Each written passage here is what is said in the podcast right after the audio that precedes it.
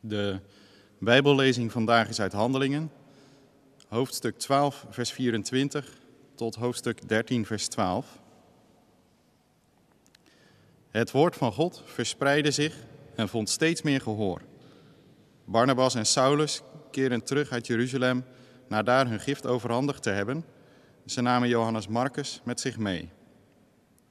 Er waren in de gemeente van Antiochieën profeten en leraren, onder wie Barnabas, Simeon, die Niger genoemd werd, Lucius de Cyrenier, Manaen, een jeugdvriend van de tetrarch Herodes en Saulus.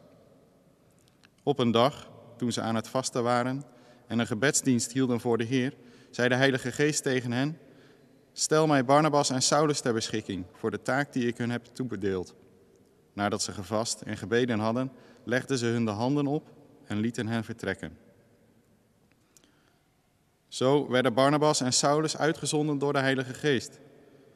Ze gingen eerst naar Seleucië en vandaar per schip naar Cyprus, waar ze aankwamen in Salamis. Daar verkondigden ze Gods boodschap in de synagoge van de Joden. Johannes was met hen meegegaan om hen te helpen. Zij reisden het hele eiland rond en toen ze in Pavos kwamen, waar ze een Joodse magier aantroffen, tot ze in Pavos aankwamen, waar ze een Joodse magier aantroffen, een valse profeet die Bar Jezus heette, en tot het gevolg van Sergius Paulus, de proconsul, behoorde. Sergius Paulus, een verstandig man, liet Barnabas en Saulus bij zich komen, omdat hij meer wilde horen over het woord van God. Maar Elimas, zoals Bar Jezus ook wel werd genoemd, want Elimas betekent magier, stelde zich tegen hen te weer en probeerde de proconsul van het geloof af te houden. Daarop keek Saulus, die ook bekend stond als Paulus, hem strak aan en vervuld van de Heilige Geest zei hij, u bent een bedrieger, een gewetenloze oplichter, een kind van de duivel en een vijand van elke vorm van gerechtigheid. Hoe durft u de rechte wegen van de Heer te veranderen in kronkelpaden? Let op, de hand van de Heer zal u treffen. U zult blind zijn en voorlopig geen zonlicht meer zien. Onmiddellijk werd alles donker om hen heen, zodat hij tastend zijn weg moest gaan, zoeken en anderen moest vragen of ze hem wilden leiden. Toen de proconsul dit zag, aanvaarde hij het geloof, diep onder de indruk als hij was van wat hij over de Heer had geleerd.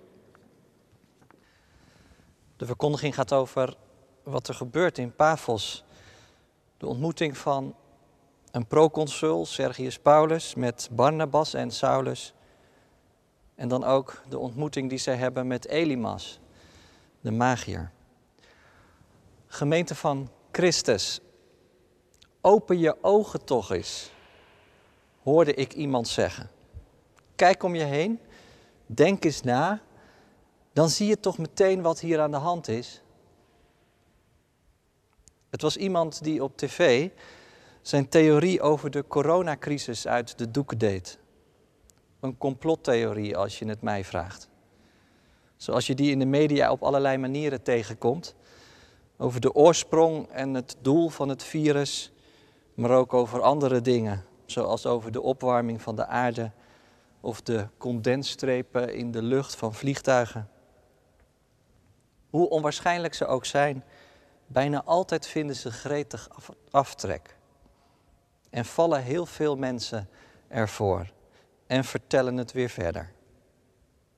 Het zou zomaar kunnen dat het jou ook wel eens is overkomen. Dat je meteen een voorbeeld paraat hebt van een complottheorie die je ooit hoorde en die je nooit meer heeft losgelaten. Ik las deze week een interview met een moraalfilosoof, Brecht de Koene, en hij schreef een boek over de vraag waarom complottheorieën zo'n enorme aantrekkingskracht op mensen kunnen hebben. Volgens de Koene komt dat omdat we door de bomen het bos niet meer kunnen zien. Er is in onze tijd zoveel informatie beschikbaar dat we massaal op zoek zijn naar zekerheid, naar grond onder de voeten. En die zekerheid vinden we dan, paradoxaal genoeg, in een complottheorie die vertelt hoe het zit. Eindelijk het hele verhaal. Nou ja, die vraag naar zekerheid die is natuurlijk niet nieuw. In de geschiedenis die we zojuist hebben gelezen klinkt die stem ook, de stem van een zoeker. Het is de stem van Sergius Paulus. Hij wil meer weten over het woord van God, over het evangelie van Jezus Christus. Maar dan is er eigenlijk ook al heel snel een andere stem. Dat is de stem van Elimas. De man van de complottheorieën die een rookgordijn optrekt. Hij vertelt je met alle liefde hoe het zit, maar vooral om er zelf beter van te worden. En dan klinkt er nog een derde stem en dat is de stem van de ontmaskering. De stem van Paulus, die eigenlijk dwars door het rookgordijn heen breekt. Maak geen kronkelpaden van de rechte wegen van de Heer. Want als je op zoek bent naar zekerheid in een wereld vol informatie en mogelijkheden, dan moet je daar zijn. Nou, deze geschiedenis speelt zich af in Pavos. Dat is de hoofdstad van de Romeinse provincie Cyprus in die tijd.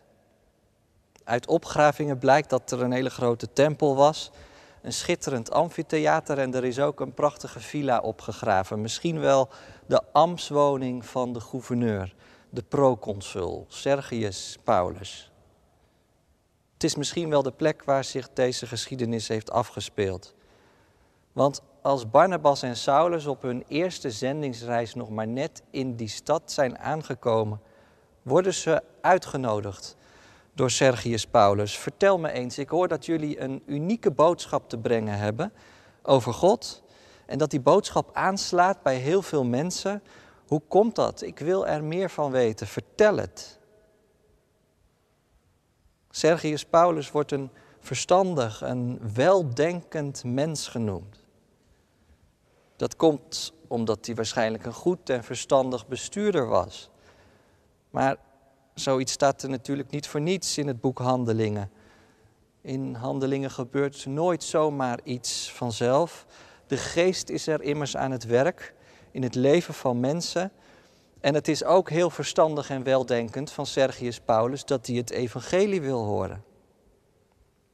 Letterlijk staat er, de proconsul zocht Barnabas en Saulus om het woord van God te mogen horen. Sergius Paulus is een zoeker, zoals we dat eigenlijk allemaal wel zijn.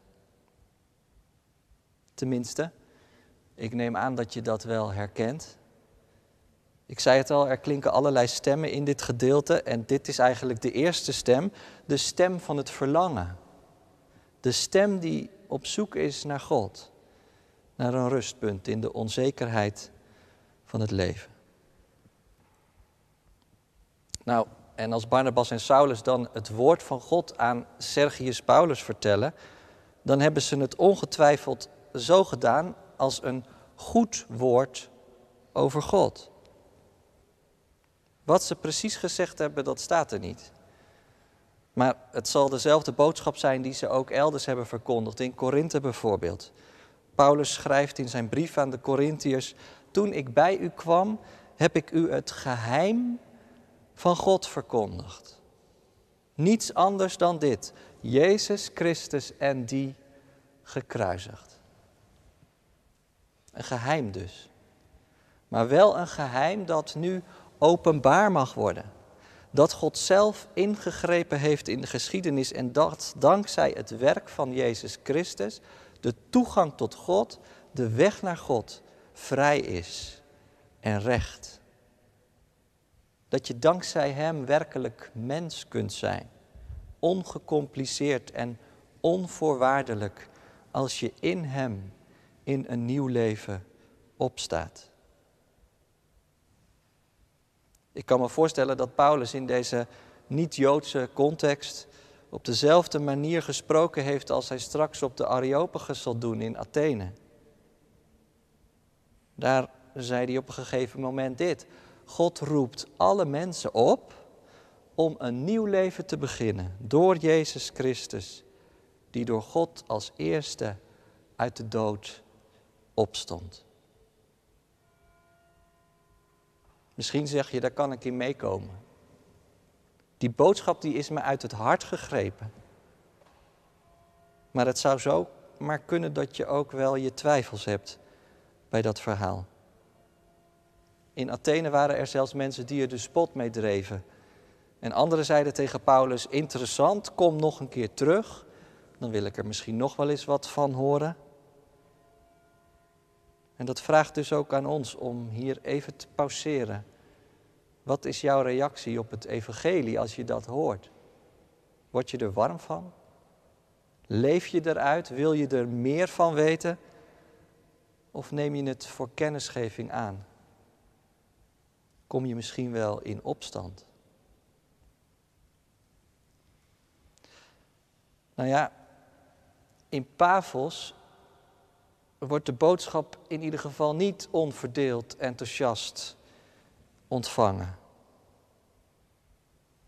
Een van de mensen die erbij staat, luistert als geen ander. Hij heeft oren op stokjes.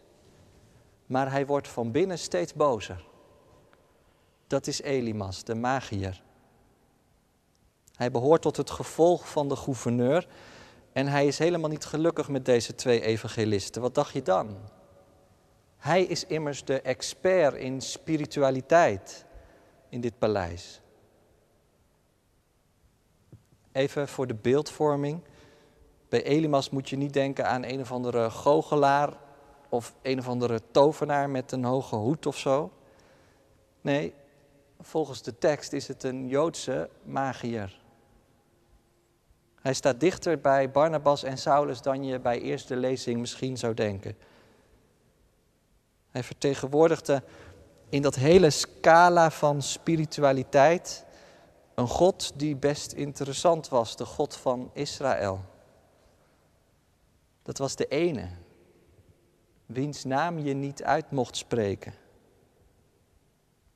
Elimas zal kennis hebben gehad van de schriften en je kon voor allerlei advies bij hem terecht. Maar toch wordt hij in de tekst een valse profeet genoemd, een pseudo-profeet, staat er. Pseudo, dat is het Griekse woord voor vals of namaak. Aan de buitenkant lijkt het precies alsof die man een profeet van de God van Israël is. Maar de werkelijkheid is heel anders. Wat moest een profeet doen? Nou, de profeet moest de woorden van God doorgeven aan de mensen. En hij mocht de mensen bij God brengen. Hij was als het ware een intermediair tussen God en mensen. Maar wat doet Elimas? Hij is geen intermediair, maar hij staat er gewoon tussenin. Hij staat de mensen in de weg. Hij wil helemaal niet dat de mensen tot God naderen. Want, want als je God wil kennen, dan moest je bij Hem zijn. Hij had het heilige in de vingers. En nu ziet Elimas, als die Barnabas en Saulus hoort spreken, in één klap zijn hele bestaansrecht onderuit gaan. Als mijn broodheer voor deze boodschap valt, dan ben ik mijn positie kwijt. En er zit dus maar één ding op. En dat is dit. Ik moet alles doen om hem van het geloof af te houden. Letterlijk staat er, ik moet alles doen om te zorgen dat hij er een afkeer van krijgt. En dat doet hij door het evangelie te verdraaien. Het is een illusionist. Hij geeft er een twist aan en nog een twist en nog een twist. Hij gooit het allemaal door elkaar. En hij trekt een rookgordijn van lastige vragen op. En zo ontpopt hij zich als een ja-maar profeet. Wat Elimas precies gezegd heeft, dat staat er niet. Maar ik stel het me zo voor dat hij bij alles wat Barnabas en Saulus zeiden een ja-maar paraat had. Dat is een hele goede manier om de boel door de war te gooien en twijfel te zaaien. Hebben jullie het nu over een redder die gekruisigd is? Ja, maar een kruis, dat is toch een dwaasheid? Zeggen jullie dat hij uit de dood is opgestaan? Ja, maar dat kan toch helemaal niet? Dood is dood, toch? En denken jullie werkelijk dat iedereen tot God naderen kan? Ja, maar hoe zie je dat dan voor je? God is toch de onzienlijke? En wat merk je daar dan van? Voel je wat hier gebeurt? Elimas trekt alles in twijfel en voedt daarmee de onzekerheid van de zoeker. En het kan zomaar zijn dat je ook deze stem herkent. Want het is een stem die ook vandaag uit allerlei hoeken op je af kan komen. Een stem die erop uit is om je bij God vandaan te houden. Die stem kan op allerlei manieren gevoed worden door het intellectuele klimaat waarin je werkt bijvoorbeeld. Ja, maar zo eenvoudig kan het toch niet zijn? Of misschien wordt die stem wel gevoed door teleurstelling in jezelf. Over jezelf. Ja, maar ik ben al zo vaak opnieuw begonnen en ik loop steeds weer vast. Of misschien herken je die stem wel in een soort moeheid over de situatie waarin je verkeert. Ja, maar ik heb hier al zo vaak voor gebeden en het schiet nog steeds niet op. Je kunt er soms zo moedeloos van worden, van al die ja maar profeten in je leven. Maar dan zijn we eigenlijk ook toe aan die derde stem. De stem van Saulus, de stem van de ontmaskering. Saulus wordt vanaf nu in handelingen trouwens Paulus genoemd. Dat is de Latijnse vertaling van zijn naam misschien.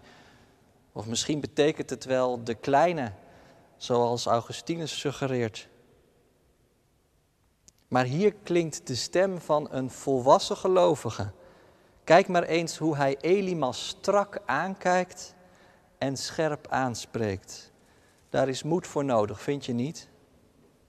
Maar weet je wat er vooral voor nodig is? Vervulling door de Heilige Geest. De geest die Paulus de dingen heel scherp laat zien, zodat hij dwars door de Jamaar-profeet heen kan kijken. En wat hij dan allemaal zegt, dat is niet mis. Hij noemt Elimas een bedrieger, een gewetenloze oplichter, ja zelfs een kind van de duivel. De Joodse naam van deze man was Bar Jezus. Zoon van Jezus betekent dat. Maar voor Paulus is dat een vorm van blasfemie. Je bent in niets een kind van Jezus. Integendeel, je bent een kind van de duivel je zou mensen bij God moeten brengen. Maar je trekt bewust een rookgordijn op. En je maakt de rechte wegen van de Heer tot kronkelwegen. Maar let goed op, Elimas. Die kronkelwegen brengen je alleen maar duisternis. In de eerste plaats jouzelf. Want dat zie je in deze geschiedenis letterlijk gebeuren. Elimas wordt tijdelijk, dat wel, blind. Daar wist Paulus ook alles van af. Op de weg naar Damascus. Dat kan blijkbaar gebeuren als God ingrijpt in je leven. Dan vallen alle pretenties weg. Op de tast moet deze Elimas het toneel verlaten. En mag hij blij zijn als er een paar mensen zijn die hem nog willen helpen. Nou ja, die stem van Paulus is wel scherp, vind je niet? Zou jij het durven om de ja-maar-profeten in je leven zo aan te spreken, om ze te ontmaskeren? Durf je de confrontatie aan te gaan met de zonde en de macht van de zonde, die ons altijd maar weg bij God wil houden? Nou weet ik wel, dat valt nog helemaal niet mee. Om de dingen die je bij God vandaan houden en dat kan van alles zijn, ook echt als kwaad te benoemen. Om ze te ontmaskeren en ze misschien wel vermanend toe te spreken. Zo'n rookgordijn kan immers zomaar opgetrokken zijn. En toch gaat het in het boek Handelingen steeds daarom om een radicale transformatie van het leven. En om mensen die op een ander spoor worden gezet. Het kan dus blijkbaar dat die rechte wegen van de Heer gevonden worden. Als grond onder je voeten in een wereld vol chaos. En dat brengt me dan eigenlijk nog bij een vierde stem. En dat is de stem van het geloof. Want wat is nu het antwoord van het geloof op elk ja maar? Nou, dat is dit. En toch. Als je Jezus wilt volgen, dan zul je regelmatig ja maar profeten tegenkomen. Soms zitten ze misschien wel op je eigen schouder of wonen ze in je eigen hart.